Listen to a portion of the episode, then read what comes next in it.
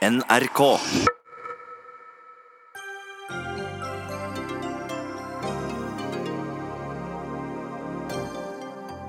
Mageplask for Støre i ny statsministermåling. Fallet begynte i april. Kan kveldens statsministerduell gjøre ham mer populær? Kommentatorene kommer til Dagsnytt 18.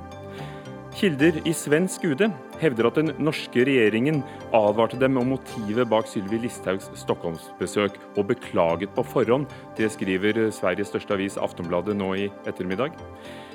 Og Arbeiderpartiet lover 12 milliarder kroner til sykehusene og bedre helsetilbud til alle. Vi kommer med konkrete løsninger som virker til pasientenes beste, og trenger ikke å tallfeste løftene, svarer helseministeren Bent Høie.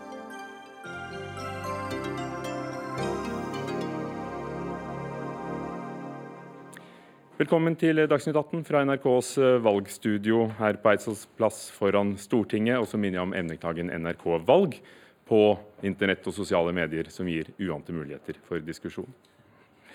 Det skal handle om helse aller først i dagens program. I dag la Arbeiderpartiet frem sitt sykehusløfte, som de skal innfri dersom de kommer i regjering. Det skal investeres 12 milliarder kroner i sykehusene, og lånerammene skal økes. Kortere ventetid og raskere hjelp. Og Samtidig i dag kom helseminister Bent Høie på banen med en milliardsatsing til Radiumhospitalet. Så da kan vi si at helsevalgkampen er i gang for fullt, med løfter på begge sider. Torgeir Micaelsen, helsepolitisk talsmann fra Arbeiderpartiet. Dere legger frem en liste på 20 punkter som skal forbedre norsk helsevesen. Siden du ikke kan ta alle, kan du ta det viktigste?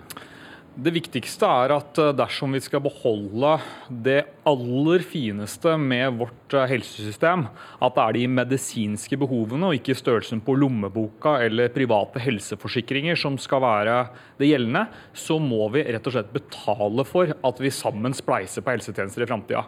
Hvis du går inn og ser på de behovene som både er i sektoren, hvordan vi framskriver befolkningen vår som blir eldre og sykere, og ikke minst de fantastiske mulighetene på ny teknologi og nye medisiner gir, så må vi investere tungt. Og Nå har vi valgt, som vi gjorde i 2013-valgkampen for fire år siden, å tallfeste hva våre felles sykehus kan forvente seg de neste fire årene dersom vi vinner valget. Det syns vi er en ærlig sak, fordi vi har ikke disse skattekuttene som regjeringen prioriterer istedenfor. Og nå, siden det nå er valgkamp, så hadde det vært spennende å høre hva Høyre og Frp også mener bør være ja, en forventet vekst i sykehusbudsjettene neste årene. Og nettopp i dag, Bent Høie, så la du og din regjering frem et løfte om over 3 milliarder kroner til nytt behandlingsbygg på Radiumhospitalet i Oslo. Hva skiller dette og de ti helseløftene dere la frem i begynnelsen av valgkampen fra Arbeiderpartiets? Det som er den store forskjellen, er at vi har lagt frem ti løfter som er veldig konkrete på hvordan vi skal skape pasientens helsetjeneste og gjøre en forandring for pasienten. Derfor så sier vi at nå har vi redusert ventetiden til, til rundt 60 dager i gjennomsnitt. I løpet av de neste fire årene skal ned til under 50 dager i gjennomsnitt. Sykehusene skal holde avtalene som de har med pasienten også underveis i et forløp. Og ikke minst så skal vi ta den suksessen som pakkeforløp for kreft har vært for kreftpasientene, der en skaper trygghet og forutsigbarhet. Og så skal vi gjennomføre det òg for mennesker med rusavhengighet, innenfor psykisk helse, men òg på de store områdene der mange i dag opplever at de er kasteballer i helsetjenesten vår. Mennesker som har muskel- og skjelettlidelser, utmattelsessykdommer og smerte. Der skal vi innføre òg pakkeforløp, bare for å ta noen av de konkrete endringene i helsetjenesten. Og Et pakkeforløp er altså en standardisert behandling som skal sikre at alle er, får den samme behandlingen nei, uansett? Nei, ikke den samme behandlingen. Uansett hvor de bor?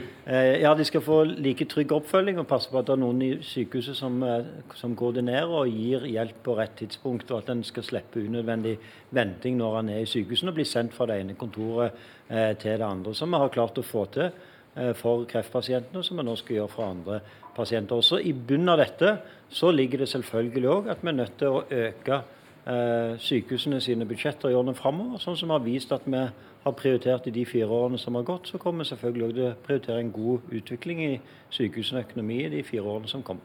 Torgeir Micaelsen, også Høyre lover at det ikke er lommeboken til folk som skal skille på behandlingen man får. Og det, og det gjør dere òg. Hva, hva, skiller dere? At han ikke har penga som skal til for at det skal fungere. Det er en grunn til at Høyre og Frp ikke vil tallfeste løftene denne gangen. Det er fordi de har brutt sine egne løfter de ga for fire år siden, i en tid hvor de har hatt enorm tilgang på oljepenger og kunne smøre budsjettene. Jeg kan også være konkret. Vi skal f.eks. ansette og tilsette flere fastleger. Det er en veldig pressa situasjon i mange fastleger rundt omkring i kommunene, sånn at pasientene får mer tid til Eh, og samtale med legen om det som eh, er problemet. Vi vil eh, ha ettermiddags- og kveldsåpne poliklinikker, altså der du går og får dagbehandling på sykehusene. Dette er lokaler og dyrt utstyr som i dag står tomt mange timer i døgnet. Og vi går enda lenger enn Høyre når det gjelder disse eh, helhetlige behandlingsforløpene. og Vi etablerer det vi kaller et behandlingsforløp som går fra hjem via det behandling eller på sykehus og tilbake til hjemmet eller til arbeid. Men du kommer ikke unna at hvis du skal gjøre alle disse tingene som jeg sier at Arbeiderpartiet ønsker på vegne av pasientene, og som jeg er helt sikker på også tror regjeringen ved Høie vil gjøre. Du kommer ikke unna i et land som Norge, hvor eh, befolkningen øker, hvor folk blir sykere, og hvor de medisinske, teknologiske framskrittene er enorme, når du ikke er villig til å betale for det. Og Hvor skal det da eh, kuttes, da, Høie, hvis det både skal komme masse penger til sykehusene og kutte skattene? Dette henger men, jo ikke sammen. Men, eh, fasiten er at eh, Høyre i regjering har vært villig til å prioritere en høyere vekst i sykehusenes økonomi til pasientbehandling gjennom disse fire årene enn det Arbeiderpartiet var i stand til når de satt i regjering og faktisk kunne prioritere. Mener du det kommer til å fortsette? Og Det betyr at eh, jeg kommer til å si, vi kommer til fortsatt sikre en god utvikling i sykehusenes økonomi i årene som eh, kommer. Men det som òg folk må ha med seg, det er at det er helt riktig at vi ikke klarte å nå 12 milliarder. Det er rett og slett fordi vi måtte håndtere både en flyktningkrise og en sterk økning i arbeidsledighet som følge av fall i oljepris. Men Arbeiderpartiet, som lovte dette òg i valgkampen for 2013, eh, i 2013, de klarte ikke å følge det opp i det, det, siste, eller første og siste muligheten de hadde i det statsbudsjettet som de la fram før Stoltenberg gikk av. Og de har heller ikke klart det i opposisjon, på tross av at du har hatt skatteøkninger i dine alternative budsjetter på over 10 milliarder, så har du ikke klart å innfri løftet ditt fra 2013 om 12 For da loves dere begge 12 milliarder. Det, ja, men dette, dette, er bare tull. altså Folk kan, Karlsen, kan gå tilbake dette er, dette er bare tull. Altså, du kommer med mange forslag. Ja. Hvor mye av det handler egentlig om penger, hvor mye handler om politikk? Dagens regjering ga 9 milliarder i sykehusene istedenfor 12, som de sa for fire år siden. Høie sier det er pga. det han nevnte. Eh, at det var andre ting som også trengte oppmerksomhet. Men hvor mye handler det om penger? Eh, for det pengeløftet de går bare til sykehusene, ikke til alt det andre du har ramset opp? Eh, veldig mye av det handler jo om sykehus, eller sammenhengen mellom sykehus og deler av primærhelsetjenesten. Eh, jeg kan gi deg et tall. altså Av de 12 eh, milliardene så vil ca. Halv, halvparten av det, bare 6, altså 6 milliarder, er beregnet av da Høie og regjeringen selv til å gå til det vi kaller demografi, altså at man framskriver at befolkningen blir eldre og sykere. Eh, så Det er bare minstemål. Alt annet likt, hvis du ikke leverer det, er det kutt i budsjettene for sykehusene. Men så sier vi at vi har større ambisjoner enn det. For hvis du reiser rundt i Sykehus-Norge, så er det mange steder det er veldig bra, og mange steder har det blitt nye bygg. Men det er jammen meg mange steder hvor det nesten holder på å dette fra hverandre, og malingen flasser fra veggene. Derfor sier vi det er mye viktigere å pusse opp, investere tyngre i vår felles helsetjeneste, enn å holde på med både en del av disse byråkratiske prestisje, altså privatiseringsforslagene som regjeringen har holdt på med, men ikke minst si at det er et ærlig valg å kutte skattene. Men det er ikke mulig å ha verdens fremste offentlig finansierte helsetjeneste og samtidig kutte skattene i en tid hvor du skal kutte ned oljepengebruken eh, kraftig. Det som jeg ser, det er at eh, arbeidsledigheten går, nå går ned. Veksten går opp. og Det betyr at det nå skapes mer, som òg gjør at vi kan styrke Eh, styrke fellesskapet, styrke sykehusene, styrke politiet, styrke eh, skoler. Det er det òg eh, Høyre kommer til å gjøre. og Vår næringspolitikk den virker sånn at det òg skapes mer verdier til å trygge velferden. Men det som er poenget er at Arbeiderpartiet kommer for kort. For det eneste svaret de har, stort sett, det er mer penger. Vi har vist at vi har klart å redusere ventetiden i sykehusene med nesten 20% Det nevnte du, men det er jo mange konkrete forslag til bl.a. flere fastleger ja, og, og ta, ta bedre oppfølging, ene, som Michaelsen har. De skal ansette flere fastleger. Problemet i dag er ikke mangel på fastlegestillinger. Problemet i dag er at det er en utfordring å få rekruttert leger til de stillingene. Og Derfor er det at jeg har innført et krav om at skal det være fastlege, så skal det være spesialist i allmennmedisin. For å gjøre den attraktivt. Derfor er det vi nå starter opp en stor pilot med primærhelseteam. Sånn at fastlegene får jobbe på en ny måte. fordi det handler ikke om at vi bare mangler fastlegehjemler. Nei, tvert imot. Det er mange fastlegehjemler som står tomme. Vi er nødt til å faktisk ha nye løsninger for å møte de utfordringene som vi står forbi. Og da trenger vi en sterkere primærhelsetjeneste. og Det nytter ikke bare å lyse ut stillinger som ingen søker på. Kort til det med fastlegene. Altså, da har du vært for lenge oppe i Helsedepartementet. For da er det bare å reise ut og snakke med Legeforeningen eller snakke med fastleger at dette som du beskriver er presist. Det er mangel på rekruttering. Hvorfor er det det? Det blir nesten en selvoppfyllende profeti når da fastlege etter fastlege og pasient etter pasient opplever at det er en veldig pressa situasjon, veldig kort tid til hver pasient, veldig dårlig utstyr mange steder til å eh, ja, kunne kommunisere med pasientene. Alt annet likt, hvis du får flere folk inn, så kan du ha bedre tid til pasientene. Det vil være bra for uh, ja, de som jobber der, og det vil være veldig bra for pasientene. Uh, så men, hvor, igjen, det er bare sånn, det, det er Hvordan skal du få ansatt flere fastleger? Uh, fordi vi skal bl.a. gi støtte til kommunene om, og, og, krav om at det skal bli flere fastleger. Vi kan gjøre det gjennom å endre, vi kan gjøre det med å endre forskriften om antall pasienter på lista til fastlegen. Da må du ha flere fastleger. Dette har vært gjort før og kan gjøres igjen. Okay. Men, men, det høres ut bare, bare, bare, bare, helt kort. Nei, ikke helt kort. Ja, Svar på det. Ja, Karlsen, Problemet ute i kommunen er ikke at eh, de ikke har nok ledige stillinger til fastlegene. Problemet er at det er ikke nok søkere. Der står mange ledige fastlegehjemler. Ja. Så med din løsning så vil det bare det problemet forsterke seg. Det som vi er nødt til å gå inn og gjøre, det er å sørge for at det blir mer attraktivt igjen å jobbe i primærhelsetjenesten. Og det er nettopp det vi nå setter i gang med. Gjennomføre den primærhelsemeldingen som vi har lagt fram for Stortinget. Og så vil jeg til slutt be deg, Bent Høie, som eh, etter etter dine år som statsråd.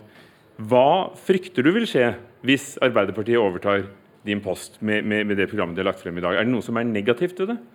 Nei, altså Jeg synes det er mye bra i det, men det er veldig lite konkret. Det er mye gode ønsker, men få konkrete endringer.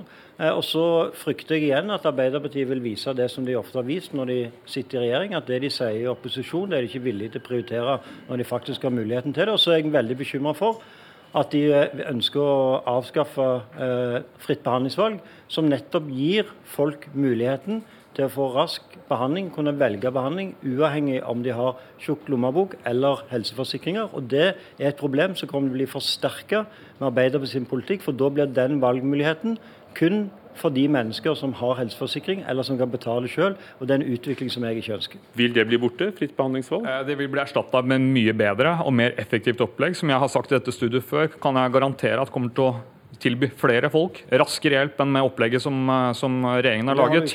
Og det, som, og det som, er problemet, det er altså du må nesten bare være medlem av Høyre uh, for å tro at du bare gjennom fikse nye løsninger kan sørge for at titusenvis av nye pasienter som skal ha hjelp i den offentlige helsetjenesten i Norge hvert eneste år de neste åra, nærmest kan komme av seg selv ved å bare ordne litt flere jobber. Dette må vi betale for i fellesskap. Sånn kan vi verne om noe av det Så fritt behandlingsvalg blir borte? Eh, det kommer til å bli erstattet med noe bedre. Så det kan alle være helt trygge på. Og vi kommer til å bygge ut kapasiteten, bl.a. Eh, på sykehusene, som har ledig kapasitet i dag, og i avtale med private. Og i avtale med private. Absolutt, det har vi hatt i mange år. Veldig effektivt men, å gjøre det på. Men jeg vil gjøre det på mine og på demokratiet og på det offentliges hva skal jeg si, ut på Stortingets premisser. Jeg vil gjøre det på det, og ikke på forsikringsbransjen. Den store, på... den store forskjellen er nettopp det en hører nå. Arbeiderpartiet vil gjøre det på systemets premisser. Jeg vil gjøre det på pasientens premisser. Det er det som er hele den ideologiske, Nei, politiske forskjellen mellom Høyre og Arbeiderpartiet. Pasientens helsetjeneste handler om å sette pasienten først, og ikke systemet først. og Der hører vi Arbeiderpartiet og Høyre skille Her er vi altså på Dagsnytt 18s premisser. Takk skal dere ha. Bent Høie, helse- og omsorgsminister. Torgeir Micaelsen fra Arbeiderpartiet, helsepolitisk talsmann. Dagsnytt 18 alle hverdager kl 18.00 på NRK P2 og NRK2.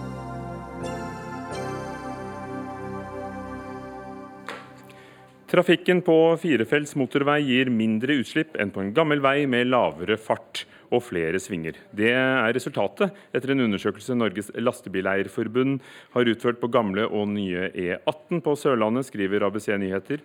Undersøkelsen viser at en 50 tonn tung lastebil bruker 1,2 millioner mindre 1,2 eh, liter mindre diesel per mil. og Det mener samferdselsministeren er en god grunn til å bygge mange flere motorveier. Ketil eh, Solvik-Olsen fra Fremskrittspartiet. Eh, betyr disse tallene at det nå kan bli langt flere motorveier? Vi har allerede planlagt mye motorveier for å binde, landet sammen. I vår nasjonale transportplan så skal vi fullføre E18 fra Kristiansand til svenskegrensa som firefelts motorvei. Vi begynner å fullføre mellom Kristiansand og Bergen. Eh, vi er i gang med mange titalls mil på E6. Det gjør vi fordi det er fornuftig å knytte bo- og arbeidsregionene sammen, knytte distriktene til byene og motsatt. Men vi ser jo òg de tallene som Lastebileierforbundet her har kommet fram til. At bare det å ha bedre veier med jevnere flyt i trafikken, uten så mye bakker, uten så mye svinger, er miljøvennlig i seg selv. Så så lenge en aksepterer premissene at vi faktisk skal transportere ting i dette landet, så er det faktisk bedre å ha gode veier til å gjøre det på enn å ha dårlige veier. Arild Hermstad, stortingskandidat fra Miljøpartiet De Grønne. Du er med fra vårt studie i Bergen. Raskere vei, mindre utslipp. Det høres logisk ut? Eh, dette er jo selvfølgelig nytale, fordi eh, den effekten som eh, de her har funnet, blir jo mer enn utjevnet av at man får flere biler på veien. Man får flere lastebiler på veien, og det øker trafikken, og da blir utslippene mye høyere. Og så er det sånn at Hvis vi hadde fulgt de målsetningene vi har, nemlig at vi skal ta veksten i personbiltrafikk, det skal tas med med kollektiv, sykkel og gange, og ikke med å bygge motorveier. Og hvis vi hadde tatt på alvor vårt mål om å flytte gods fra vei til bane, så skal vi altså ikke bygge veldig mange flere motorveier. Fordi det øker utslippene, eh, og en liten nedgang per lastebil blir altså oppveid og blir snudd til et stort klimatap av at vi øker trafikken dramatisk på veiene våre. Og det, det henger ikke i hop med at vi faktisk skal løse klimaproblemet her mener jeg du snur opp og ned på mange ting. For det første, Gitt at du har et visst transportvolum, så viser den undersøkelsen at du får lavere utslipp med å transportere den varemassen på bedre veier, ikke på dårlige. Så forutsetter du at fordi at en reduserer reisetid, så vil flere begynne å, å reise. Det skjer i så fall kun fordi vi får en velferdsøkning, at folk får et bedre bo- og arbeidsmarked, at næringslivet går bedre. og Det er faktisk et gode for samfunnet. Punkt to. Nei, jo... punkt, punkt, to, punkt to. Du forutsetter òg at vi til evig tid skal kjøre rundt i fossile biler. Biler som slipper ut eh, CO2 fra eksosanlegg. Alt tyder jo på at det ikke kommer til å være tilfellet. Alt tyder på at vi av gjerne bare 10-15 år, ikke gjennom forbud og avgifter, men rett og slett fordi at Elon Musk og andre lager fantastisk mye bedre elbiler nå enn for fem år siden, at vi vil få en dreining sånn at folk eh, kjøper frivillig elbiler, at lastebilnæringen reiser rundt i, i eh, biodrivstoff eller hydrogenkjøretøy, som gjør at på de veiene vi begynner å bygge nå, så er det utslippsfrie kjøretøy som kommer til å være. Så eneste argumentet som eh, MDG og andre såkalte miljøpartier har, er jo hatet mot bilen. Fordi at utslippene kommer til å være løst. Ja, Arild Haugstad, der fikk du den, det såkalte Miljøpartiet. Men um, bilene blir renere og renere, gjør de ikke? Altså, Hvis Ketil Solvik-Olsen virkelig ønsket å kutte klimagassutslippene, så ville han jo brukt de store pengene på tiltak som kutter klimagassutslipp. Eh, og Han vil jo altså bruke de store pengene på å bygge flere motorveier. Og jernbane. Og Så må jeg også si at når det gjelder um, hva som, hvilken, års, altså hvilken virkning det har å bygge flere veier, så er alle forskerne helt enige. Mer vei og bredere vei, det gir mer biler, og det gir også mer kø. Det sånn at. Eh, det, og en ting er klimaperspektivet på dette. for Vi må fremdeles vente en stund før alle bilene er elektriske. Og i mellomtiden så vil jo utslippene øke. Men det er også andre miljøeffekter av å bygge motorveier. Eh, det ene er jo at det tar veldig mye areal. Det blir mindre grøntareal i områdene rundt byene våre. Eh, det tar det skaper dårlig luft. Vi får mer luftforurensningsproblematikk. Og det siste er jo at Den største kilden til mikroplast til havene det er bildekk.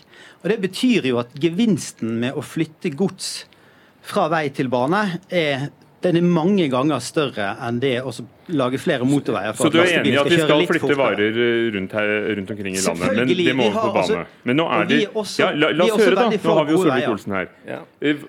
Eh, men, gods over på bane. Jo, absolutt. Hva har du gjort for å få mer gods over på I bane? I vår nasjonal transportplan ligger det nesten 20 milliarder kroner til godsoverføring. Det er første nasjonal transportplan som legger inn penger til faktisk å gjøre noe med det. Og vi ser allerede effektene pga. økt vedlikehold. Da er det flere næringslivet som har tillit til gods på bane. Vi har òg en støtteordning nå ute vi har snakket om i mange tiår. Nå er den på plass. Det er flere rederier som har søkt om å få opprette nye ruter.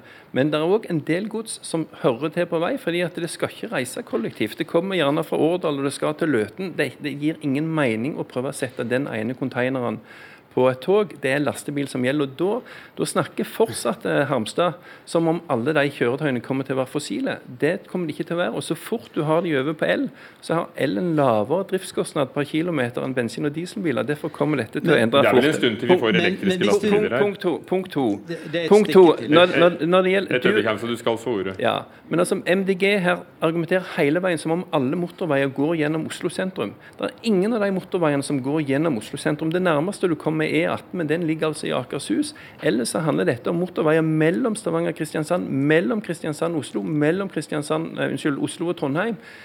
Det er jo en helt annen ting enn det men, som, som, som, Miljøpartiet argumenterer imot. fordi at Vi er enige om at veksten inn i byene den skal skje med buss, med kollektiv, med tog. og Derfor har vi altså økt jernbanebevilgningene med 8 milliarder kroner. Ja, Det var jo akkurat gjennombrudd Arild Heimstad, i, i, i jernbanetunnelen mellom Arna og Bergen nå nettopp? Ja, Eh, det var helt fantastisk. Det var jeg også med på. Eh, og det er veldig viktig. Men problemet her er jo at eh, dette er det første dobbeltsporet vi får på Vestlandet noensinne.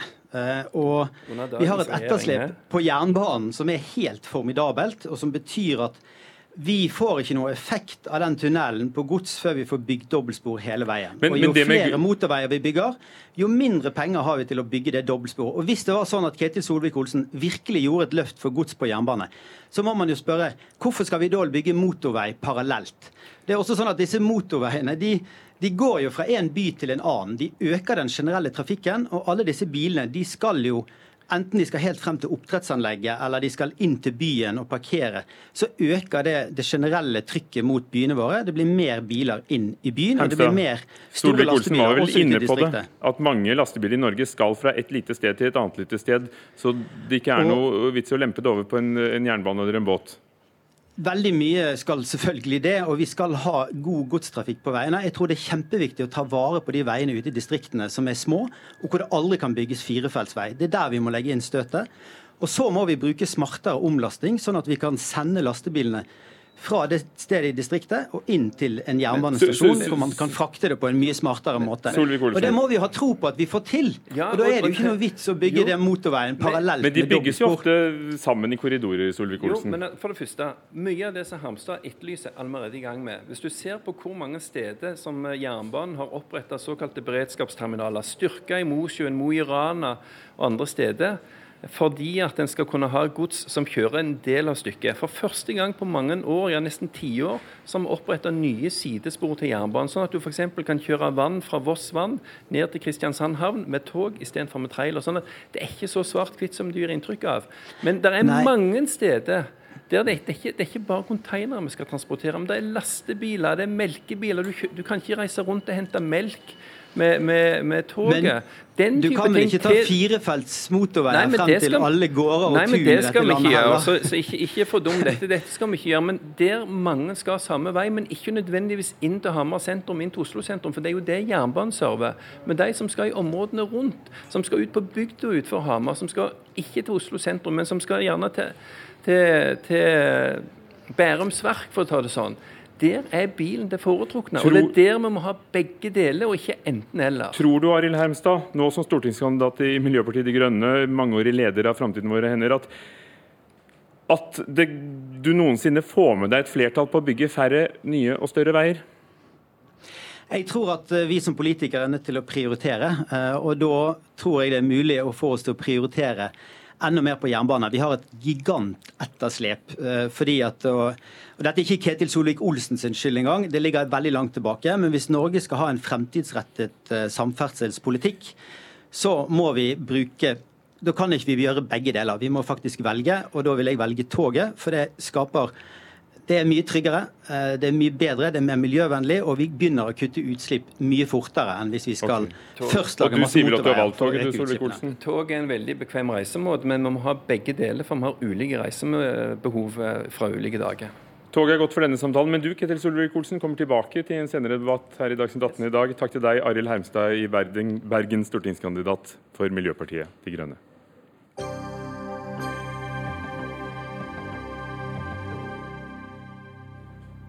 Erna Solberg tar et uh, godt sprang frem.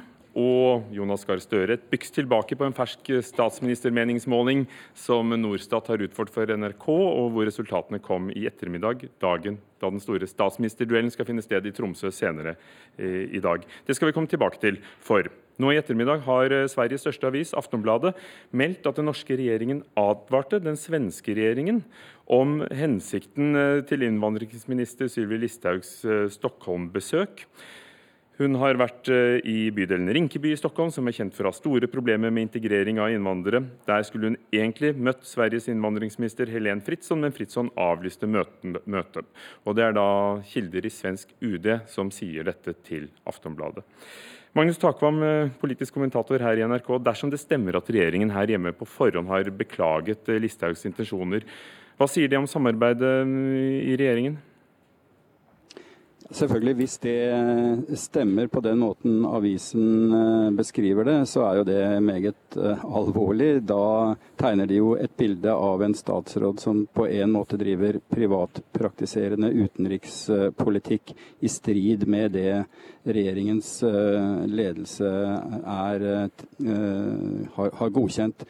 Eh, men som vi har fått med oss i løpet av ettermiddagen, så avviser jo både Utenriksdepartementet og Statsministerens kontor kategorisk at dette er tilfellet. UD sier at de har bistått eh, Justisdepartementet og statsråden i å arrangere dette besøket. Så det Aften, Aftonbladet eh, skriver, er jo at det ikke har foregått denne typen advarsler som de hevder har skjedd, har ikke skjedd offisielt på, på, vegne av den norske regjeringen til, til, den svenske, men mer uformelt via embetsverk eh, og uformelle kontakter osv. Men faktum er i hvert fall at den sosialdemokratiske innvandringsministeren i Sverige, Helene Fritzen, eh, Fritzson, avlyste dette med begrunnelsen av at de ikke ville bli en del av den norske valgkampen da de ble skal vi si, klar over eh, eh, hva hensikten var, slik de ser det med besøket.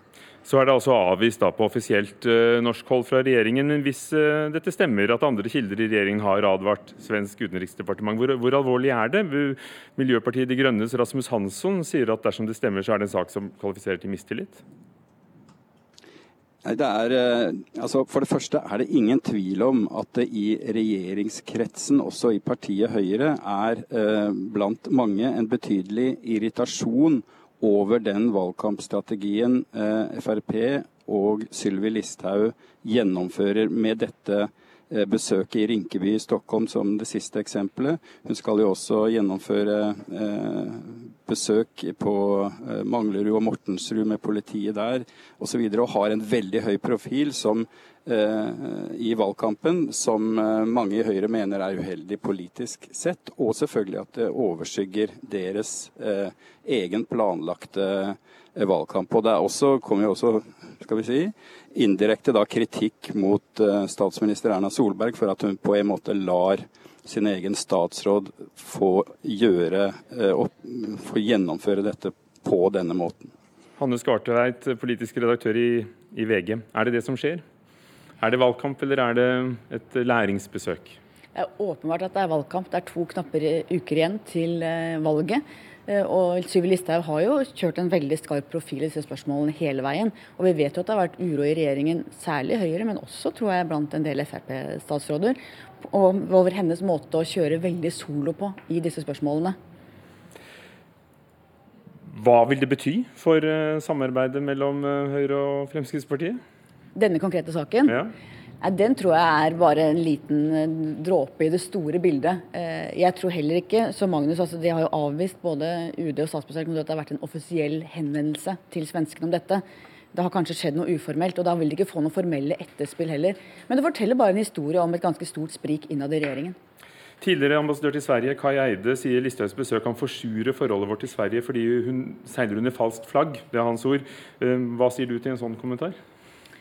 Det bare forteller hvor splittende Sylvi Listhaug er hele veien. Det er jo ikke noe nytt at det er veldig stor forskjell på debattklima i Sverige og Norge. Samtidig har jo svenskene en sosialdemokratisk eh, regjering.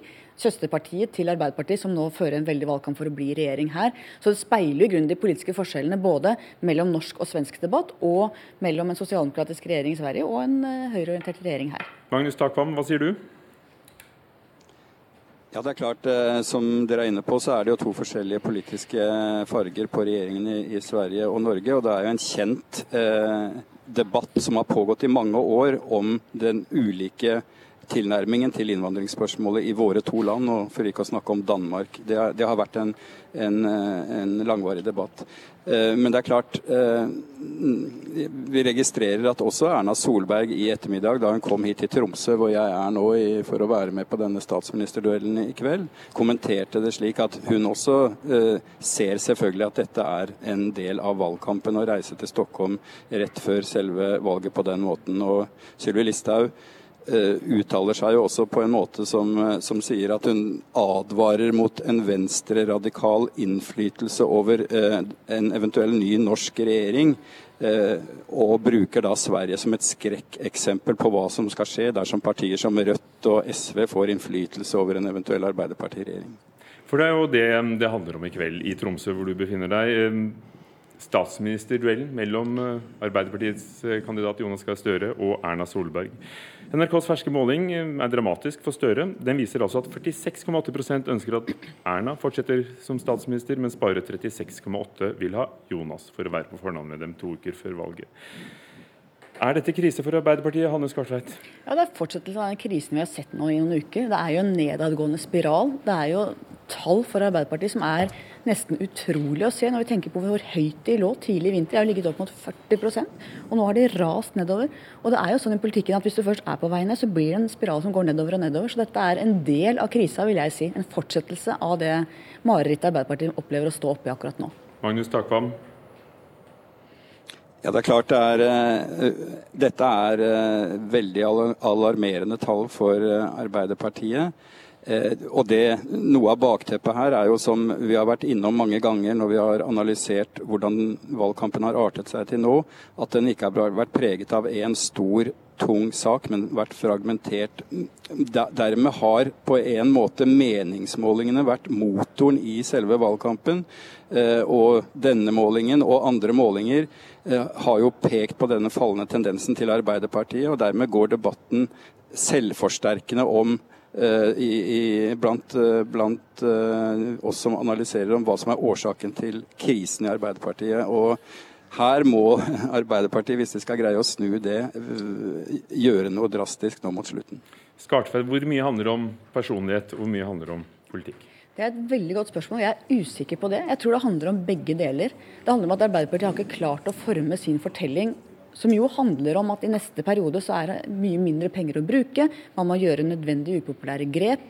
De har snakket om sysselsettingsandel, ikke om arbeidsledighet, som er veldig vanskelig å formulere. Men det handler også om Jonas Gahr Støre, som jeg tror kanskje at mange føler at de ikke kjenner ordentlig. At det er, eh, at det er blitt en selvforsterkende prosess også der, hvor folk eh, etter hvert som du, denne målingen viser, ikke har lyst på han som statsminister. og Da blir det også kleber det litt ved han at han ikke lenger er så populær. Magnus Takvam, kan det være spørsmål om, om politikk også? At folk uh, tar avstand fra, fra, Arbeiderpartiets politikk som den blir formulert de siste ukene? Altså, Det er selvfølgelig en del av eh, forklaringen. Jeg bare Muligens en litt komplisert rekke av argumenter her. Men det er klart når Arbeiderpartiet på gitte tidspunkter fikk opp mot 38 oppslutning, eh, i, som har skjedd noen ganger i løpet av de siste, eh, den siste regjeringsperioden, så har det vært i situasjoner der Arbeiderpartiet har vært den klare motkraften, så å si, til en regjering som har vært ute i kriser, enten det gjaldt flyktningekrisen eller budsjettforhandlinger.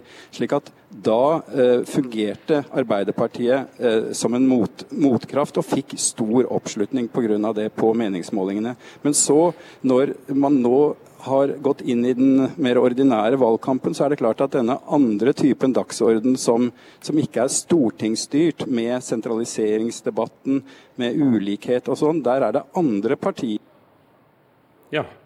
Der forsvant linjen til, til, eh, Tromsø. Det er sikkert så hektisk aktivitet før statsministerduellen. Hanne Skartveit, hva, hva, venter du deg av, av Jonas Gahr Støre og Erna Solbergs møte i kveld? Han har gjort noen gode dueller og debatter tidligere. Jeg er veldig spent på hva som kommer. Kan, som er, kan han snu det? Det kan hende. Det er jo lite som tyder på det nå. Det som er interessant, er at Arbeiderpartiet også har møtt så veldig mange gode nyheter. Altså i økonomien, hvordan ting går oppover. Jeg tror sjelden har så gode nyheter blitt mottatt så dårlig av et parti som akkurat nå fra Arbeiderpartiet i valgkampen. Dette var dårlig timing for dem. For dem er det det. Takk. Hanne Skartveit, politisk redaktør i VG, og Magnus Takvam, vår politisk kommentator fra NRK, var med fra Tromsø. Hør Dagsnytt 18 når du vil. Radio NRK Radio.nrk.no.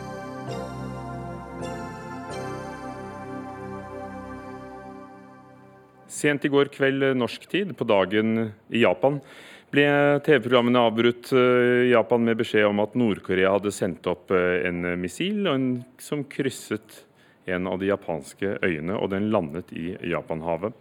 Rakettoppskytingen blir regnet som en av de største provokasjonene fra Nord-Korea. Japans statsminister Shinzo Abe kaller det en svært alvorlig trussel. Nå har Japan sammen med USA og Sør-Korea bedt om hastemøte i FNs sikkerhetsråd. Stein Tønneson, seniorforsker ved Institutt for fredsforskning. Hva betyr rakettoppskytingen politisk? Den betyr at krisen om Nord-Korea fortsetter. Nordkoreanerne oppfatter jo ikke dette som en provokasjon, men som et svar på den militærøvelsen som USA og Sør-Korea driver i disse dager, og har et par dager til. Nord-Korea advarte før den militærøvelsen om at de ville slå hensynsløst tilbake. Og Det er en militærøvelse som bl.a. inneholder øving på å drepe Kim Jong-un. Å ta ut lederskapet i Pyongyang, som det heter. Så Kort etter at denne raketten ble sendt ut, så svarte Sør-Koreas militær med en levende øvelse hvor de brukte bomber som skulle ødelegge bunkerne som Kim Jong-un er i. Det var også kanskje et svar på den militærøvelsen som USA har drevet sammen med Japan på Hokkaido, den øya som raketten gikk over og som ble avsluttet i går. Men nå har jo da Kim Jong-un eh, foretatt eh, rundt 80 rakettester siden han overtok. Men det er første gangen han sender den over Japan, hvor da befolkningen ble advart på SMS. Via TV-programmer i enkelte byer så gikk det ut høyttalervarsel eh, på gatene. Hvorfor tok han det så langt denne gangen? Ja, dette er en ny, relativt ny type rakett som kalles Wasong. Eh, men det er ikke den veldig kraftige raketten som man brukte i slutten av juli, og som skulle kunne eventuelt nå det amerikanske kontinentet. Eh, tidligere har rakettene gjerne landet i havet før de kom til Japan. Eh, han har også sendt opp raketter så høyt opp at liksom den kurven som de har dannet, viser at de kunne gå veldig langt. Men nå har han altså gått dit at den har gått over Japan. Men det sies også at raketten gikk i tre biter før den gikk i havet, så det er mulig at ikke utskytingen var helt vellykket. Nå har jo Japan og USA og, og Sør-Korea øvet før også. Er denne øvelsen mer provoserende enn tidligere? Den er ikke særlig mye mer provoserende enn den lange øvelsen de hadde i mars, april, begynnelsen av mai i år. Eh, men øvelsene er jo hyppige og har en tendens til å vare lenger enn tidligere. Eh, men eh, det gjøres et poeng av fra Sør-Koreas og USAs side at dette er regulære øvelser som man foretar hvert år. Men det er klart nordkoreanerne ser at de blir mer og mer nærgående. Paradoksalt nok, kan dette være en åpning for samtaler med Nord-Korea, for diplomati, som en, en talsmann for den kinesiske regjeringen har hevdet? Jeg ville vel heller trodd at det ville vært en åpning for diplomati hvis ikke denne rakettutskytingen hadde funnet sted. For det var for så vidt å vente at Nord-Korea ville svare på disse militærøvelsene som de hadde advart mot. Men hvis Nord-Korea hadde avstått fra det, som vi kanskje trodde noen dager, så ville det eh, innebåret et håp om at Nord-Korea var beredt til å snakke med Sør-Korea og kanskje USA. Nå er vel det håpet redusert. FNs sikkerhetsråd trer sammen til hastemøte, og kanskje skrur man sanksjonsspiralen enda et hakk opp. Hvorfor plager Japan? For eh, det er jo USA konflikten ligger med. De er jo offisielt fortsatt i krig, Japan og, og, og Nord-Korea. Jo, for et par uker siden så eh, studerte Kim Jong-un en plan for å skyte raketter ut over Japan og inn mot farvannet rundt den amerikanske baseøya Guam. Fire raketter truet han med å skyte. Og så sa han etterpå, offentliggjorde han på bilder hvor han satt sammen med sine generaler, at han ville utsette dette og se hvor mye tåpelig USA ville finne på mer før han iverksatte det. Og Trump svarte på det at det var en klok avgjørelse på en eh, Twitter-melding. Nå eh, ble da ikke denne raketten som ble sendt ut i går eller i dag, den ble ikke sendt ut mot Guam. Den ble isteden sendt over Hokkaido, den nordligste av de store japanske øyene. Så det er et tegn på at han ikke så den i sammenheng med den planen. Og når jeg nevnte at de er i krig, så er det jo da etter Koreakrigen, hvor det da offisielt er våpenhvile, eh, og ikke en endelig fred mellom USA og Nord-Korea. Det er jo ikke nå, men, men, det er jo det mange frykter. Kan, kan det bli krig? Eh, særlig da Donald Trump sa at eh, de kan vente seg ild og vrede for noen uker siden. Hvor mye er dette et spill for galleriet, og, og hvor mye er det en, en reell trussel? Ja, Risikoen ligger jo i det at de to sidene eh, føler at de må reagere på det den andre gjør, med militære trusler. Eh, eller militære, faktiske militære handlinger. Så hvis nå USA eller Sør-Korea går lenger enn det Sør-Korea allerede gjorde gjennom denne øvelsen på å drepe Kim Jong-un, så vil Nord-Korea igjen kunne føle at de må reagere. Og på et eller annet tidspunkt så tror den ene at den andre er i ferd med å iverksette et angrep, og da må de skynde seg å angripe selv. Det er min store frykt. Fordi jeg tror ingen av sidene egentlig ønsker en krig. Kim Jong-un vet han vil tape den, og USAs president og først og fremst Trumps militærrådgivere vet hvilke enorme ødeleggelser Nord-Korea kan forårsake i storbyen Seoul hvis det skulle bli storkrig. Har det noe å si hva FNs sikkerhetsråd eh, kommer frem til av resolusjoner? Ja, FNs sikkerhetsråd vedtok den 5. august nokså radikale sanksjoner som Kina nå i hvert fall i første omgang ser ut til å overholde. Det dreier seg om å ikke kjøpe mer jern, bly eller sjømat fra Nord-Korea. Og det kan føre til store økonomiske tap for Nord-Korea på sikt. Eh, hvis man skulle skru til enda et hakk, så kunne det eventuelt være snakk om å begrense eller avslutte forsyningene av energi, altså olje og annen energi, til Nord-Korea. Men det har Kina enn så lenge ikke villet gjøre, fordi konsekvensene kan bli så dramatiske for regimet i Nord-Korea. Takk skal du ha. Stein Tønneson, seniorforsker ved fredsforskningsinstituttet PRIO.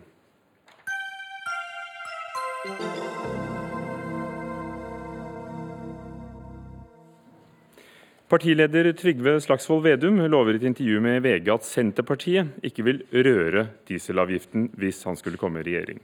Fra nyttår økte den nemlig med 55 øre per liter, og Senterpartiet var det eneste partiet som stemte imot avgiftsøkningen på diesel i Stortinget. Ketil Solvik-Olsen, velkommen tilbake, samferdselsminister fra Fremskrittspartiet. Hvorfor er det lite troverdig at Senterpartiet nå før valget sier at de ikke vil røre dieselavgiften? Det er flere punkter på det. For det første så gir Senterpartiet inntrykk av at de er skeptiske til å skattlegge bilistene. Da vet vi at i eh, Senterpartiet sitt forslag, totalbudsjettet deres, så økte de skattetrykket på bilistene totalt sett. Det er riktig de var ikke med på den eh, drivstofføkningen som vi ble eh, tatt med på. Men derimot, Som du ble tatt med på? Du stemte ja, nå for den, da? Jo, vi, vi, gjorde det som en del av et kompromiss. Og det, det står vi for. Men eh, en, den andre sida av kompromisset var jo at vi skulle få lavere bompenger. Det holder vi på med nå. Rundt 10 milliarder kroner lavere kommer de til å bli i årene framover gjennom det vedtaket. Vi fikk eh, lavere engangsavgifter, vi fikk lavere årsavgifter. Så bilistene kom faktisk bedre ut enn det de gjorde med Senterpartiet sitt eh, forslag. Det andre punktet det er jo egentlig enda viktigere. Det er at Senterpartiet inngikk et kompromiss på rød-grønn side i fjor sommer der de sa at nå skulle de være med å øke drivstoffavgiftene på fossile biler så mye at folk slutta å kjøre dem og heller kjøpte elbiler. Og Det er jo et mye mer dramatisk forslag, for da er det ikke bare de ørene vi snakker om i 2017-budsjettet, men da er det mange mange kroner. Og Det er da jeg påpeker at Senterpartiet må våge å fortelle om alle forslagene de fremmer, totalbelastningen det betyr for bilistene, og ikke bare ta fram ett lite unntak fra en budsjettbehandling. Og det fikk deg til i VG å, å, å si at uh partilederen er sleip som en ål? Ja, Det er vel ikke ordet jeg pleier å bruke. altså Det var nok å, å, dra det litt langt. Men jeg mener likevel at han villeder velgerne ved å gi inntrykk av at han vil kjempe for lavere bilavgifter, når han faktisk eh, står på parti med Miljøpartiet De Grønne og Sosialistisk Venstreparti i at avgiftene må kraftig opp. Ola Borten Moe, du er med på linje, nestleder i Senterpartiet. Hva har skjedd siden i fjor vår, da dere gikk med på, på dette samarbeidet om at det skulle bli ulønnsomt å kjøpe fossilbil? Det Solvik-Olsen henviser til, det er en merknad i stortingsbehandling. og Han vet jo like godt som meg at det er ikke gjennom merknader at landet styres. Det gjøres gjennom de ulike budsjettforslagene. Og La meg da bare kort oppsummere. Eh, gjennom de åtte årene vi satt i den rød-grønne regjeringa sammen med SV, som Solvik-Olsen nå er svært bekymra for, så økte dieselavgifta, eller drivstoffavgiftene, langt mindre eh, enn de gjorde i år alene, med Fremskrittspartiet som samferdselsminister og Fremskrittspartiet som finansminister. Men de økte under den tiden dere satt i regjering òg? Jo, men langt, langt mindre. Ett år. Den flytta seg ett år, ellers så sto den helt stille. Så er det sånn at uh, Solvik-Olsen sier at det var en veksling, men det han ikke sier, det er at regjeringas forslag var jo også en økning på 35 øre, som da Venstre og KrF klarte å presse ytterligere opp. Men regjeringa sjøl foreslo en betydelig økning av drivstoffavgiftene. Så blir det jo litt hult når Solvik-Olsen påpeker at dette her skulle veksles da mot reduserte bompenger. fordi at Gjennom hele denne perioden så har jo bompengene gått opp, ikke ned. Og Faktum er jo at norske bilister aldri har betalt mer bompenger enn nå. Eh, og det er en bompengebruk som kommer til å stige ytterligere eh, i årene som kommer. Vi, nå har vi samlet opp så mange punkter her, Borten Moe. At vi ikke, at vi ikke holder ord på det her, det, eh, det er overgår min forstand. Solvik-Olsen, skal vi ta det med bompengene først? Dere, dere, vil jo fjerne dem helt. Og han sier at vi aldri har betalt så mye som nå, og du sier at det er blitt færre. Ja, riktig. sånn at Senterpartiet har godter seg over at Fremskrittspartiet sine forslag har blitt nedstemt. Vi har fremmet forslag fra regjeringens side som har altså fått til dette med Høyre men der stortingsflertallet, Senterpartiet, Arbeiderpartiet, SV, Miljøpartiet De Grønne, Venstre og KrF, har stoppet oss fra å kutte bompenger i budsjettet i 2015, i 2016, men vi vant fram i 2017. og Det viser jo at Fremskrittspartiet gir seg ikke. Og den Summen av de tingene vi har fått til nå, betyr en reduksjon i bompenger om rundt 10 milliarder kroner totalt sett. Senterpartiet har jo vært imot disse kuttene. sånn at det, Ja, du kan godt si at Frp har ikke vunnet. Men det er ett parti som går til valg på å faktisk få til dette, og det er oss. Så kan Senterpartiet glede seg over at vi ikke har vunnet ennå, men nå får vi på, på omkamp i, valget for 20, 2017. Men, men, punkt to. Borten Moe tar òg feil når han sier at drivstoffavgiftene ble økt ytterligere i statsbudsjettet. Det ble det ikke. Det kompromisset det lå fast. Derimot så ble altså bilavgiftene totalt sett redusert. Det er altså lavere bilrelaterte avgifter totalt sett, inklusiv bompenger, i 2017 enn det var i 2013. Så igjen så viser jo Ola Borten Moe han bekrefter poenget mitt, at de snakker om én og én avgift, istedenfor å si hva skjedde samtidig på engangsavgift, årsavgift og alt dette. Der har summen gått ned med oss. Summen gikk opp under Ola Borten Moe, Senterpartiet, SV og Arbeiderpartiet. Mo, det er jo helheten som er eh, omkostningen for en bileier. Ja, Det er ikke helt korrekt. for eh, Det finnes millioner av billigere i Norge. og For dem som har best råd, så er det jo sånn at eh, man vil ha mest å tjene på at eh, de dyreste bilene blir rimeligere å kjøpe. Men hvis du ikke har råd til å kjøpe en kostbar ny bil, f.eks. En, en ladbar hybrid, da, som eh, tidligere kosta flere millioner, som nå får kanskje mange hundre tusen eller opp mot en halv million i, i avgiftslette, så er jo ikke det veldig relevant, siden det er en bil som uansett koster 700 900 000, kanskje en million. Men for en familie eller folk som kjører en eh, litt eldre bil, eh, som allerede er betalt, så er det jo drivstoffprisen som er avgjørende for biløkonomien. Så Solvik-Olsen tar feil når han sier at det er bare å redusere engangsavgifter eller kjøpsavgifter, og så kan man se bort fra bruksavgiftene. Det er selvsagt sånn at det mest sosiale hva angår folk flest, eh, det er at man holder eh, prisen på bruk av bil ned det er tross alt det viktigste transportmiddelet vi har i Norge. og nå er vi helt men, men du, du, du, du sier at Man styrer jo ikke med merknader uh, til budsjettene, men, men, dere stilte dere jo bak i denne energimeldingen bare, i 2016? Og Ikke bare en merknad, men det var et konkret forslag. Det var et forslag som var forslag nummer 14 i innstillingen. Så du, så snakker mener, deg vekk fra dette. Så Ola. mener dere, Borten Moe, at dere ikke lenger skal bruke avgifter som middel for å få folk til å, å slippe ut uh, mindre? Nei, det har ikke vi sagt. Eh, og også i våre statsbudsjett så er jo avgiftsnivået det samme som, som, det var i fjor. Eh, og det er jo for øvrig det høyeste avgiftsnivået på bilavgifter. Så du vil holde på det, altså? Som du, finner, som du finner i vår del av verden. Vi har ikke foreslått å ta dem bort eller redusere dem. Vi har bare sagt at det vil vi ikke øke. Og så vil vi bruke avgiftssystemet aktivt, f.eks. For, for å få inn biodrivstoff. For vi mener at det kan være med å gjøre den norske bilparken langt mer miljøvennlig og klimavennlig. Okay, men, eh, og for å ta ut og erstatte det fossile drivstoffet som vi bruker nå. Men her, her, bekrefter han jo at i deres forslag så var bilavgiften for 2017 like høy som i 2016. Men i vårt budsjett så var de faktisk lavere i 2017 enn i 2016. Der, der, der, jo, men Det er jo totalregning som teller. Men, men, egentlig det interessante spørsmålet her, det er ja, Er det totalregningen? Folk kjører jo, det er jo ikke alle som kjøper ny bil. Ja, men de, de, de som kjører mest kilometer i året, det er faktisk folk som bor i Akershus. Sånn at eh, Bildet er faktisk annerledes enn det Borten Moe gir inntrykk av. Men det interessante her, fordi at nå sier jo Ola Borten Moe at det, Kan jeg få snakke ferdig? Kan jeg få snakke ferdig? Et øyeblikk. Nei, og, og, og det, er nettopp det, som, det er nettopp det som er poenget, Ola. For det første, når dere styrte, så kostet omregistrering av bil opp mot 17 000 kroner. Nå koster det 6000 kroner. Bare der er det 11 000 kroner i avgiftslettelse. Punkt to.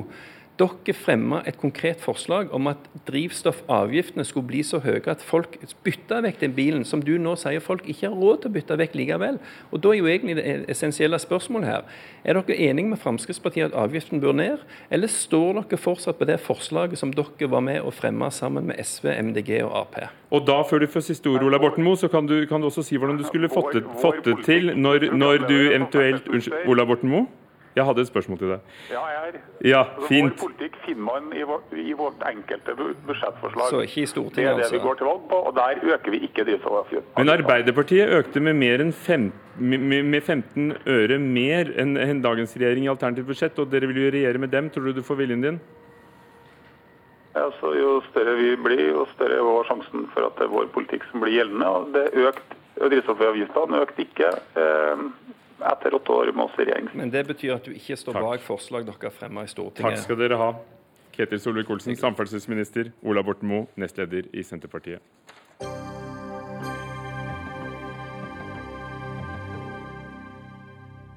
Det skal handle om eh, flora og fauna i Norge. I dag legger tre naturvernorganisasjoner frem en rapport som de mener viser at regjeringen aktivt bygger ned norsk natur. De har evaluert regjeringens eh, naturpolitikk og tatt med rundt 50 konkrete eksempler. Blant disse er eh, fornøyelseskjøring med snøscooter og dumping av gruveavfall i Førdefjorden.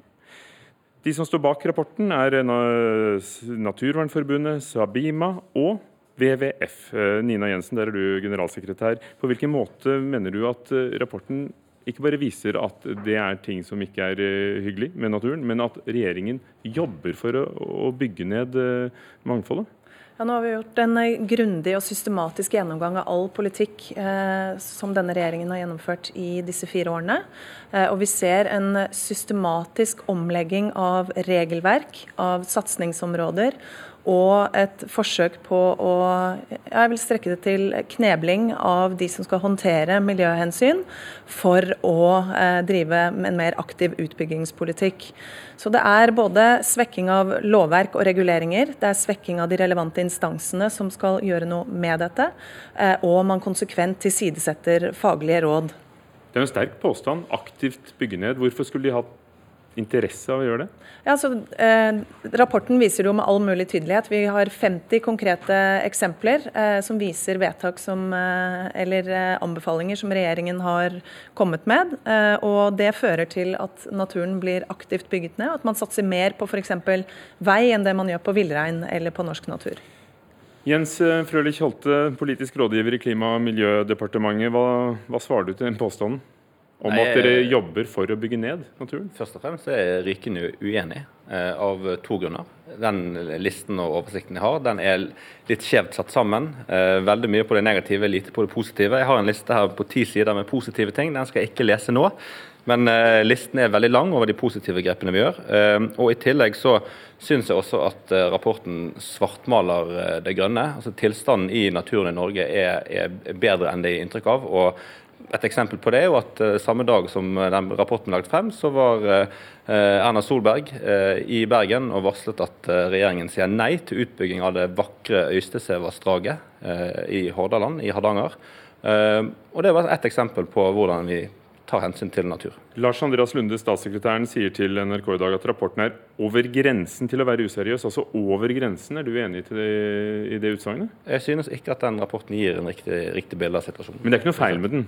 Altså de eksemplene som er nevnt? Er det noen, noen av eksemplene rapporten nevner som dere bestrider? Ja, jeg er helt uenig i fremstillingen i eksemplene.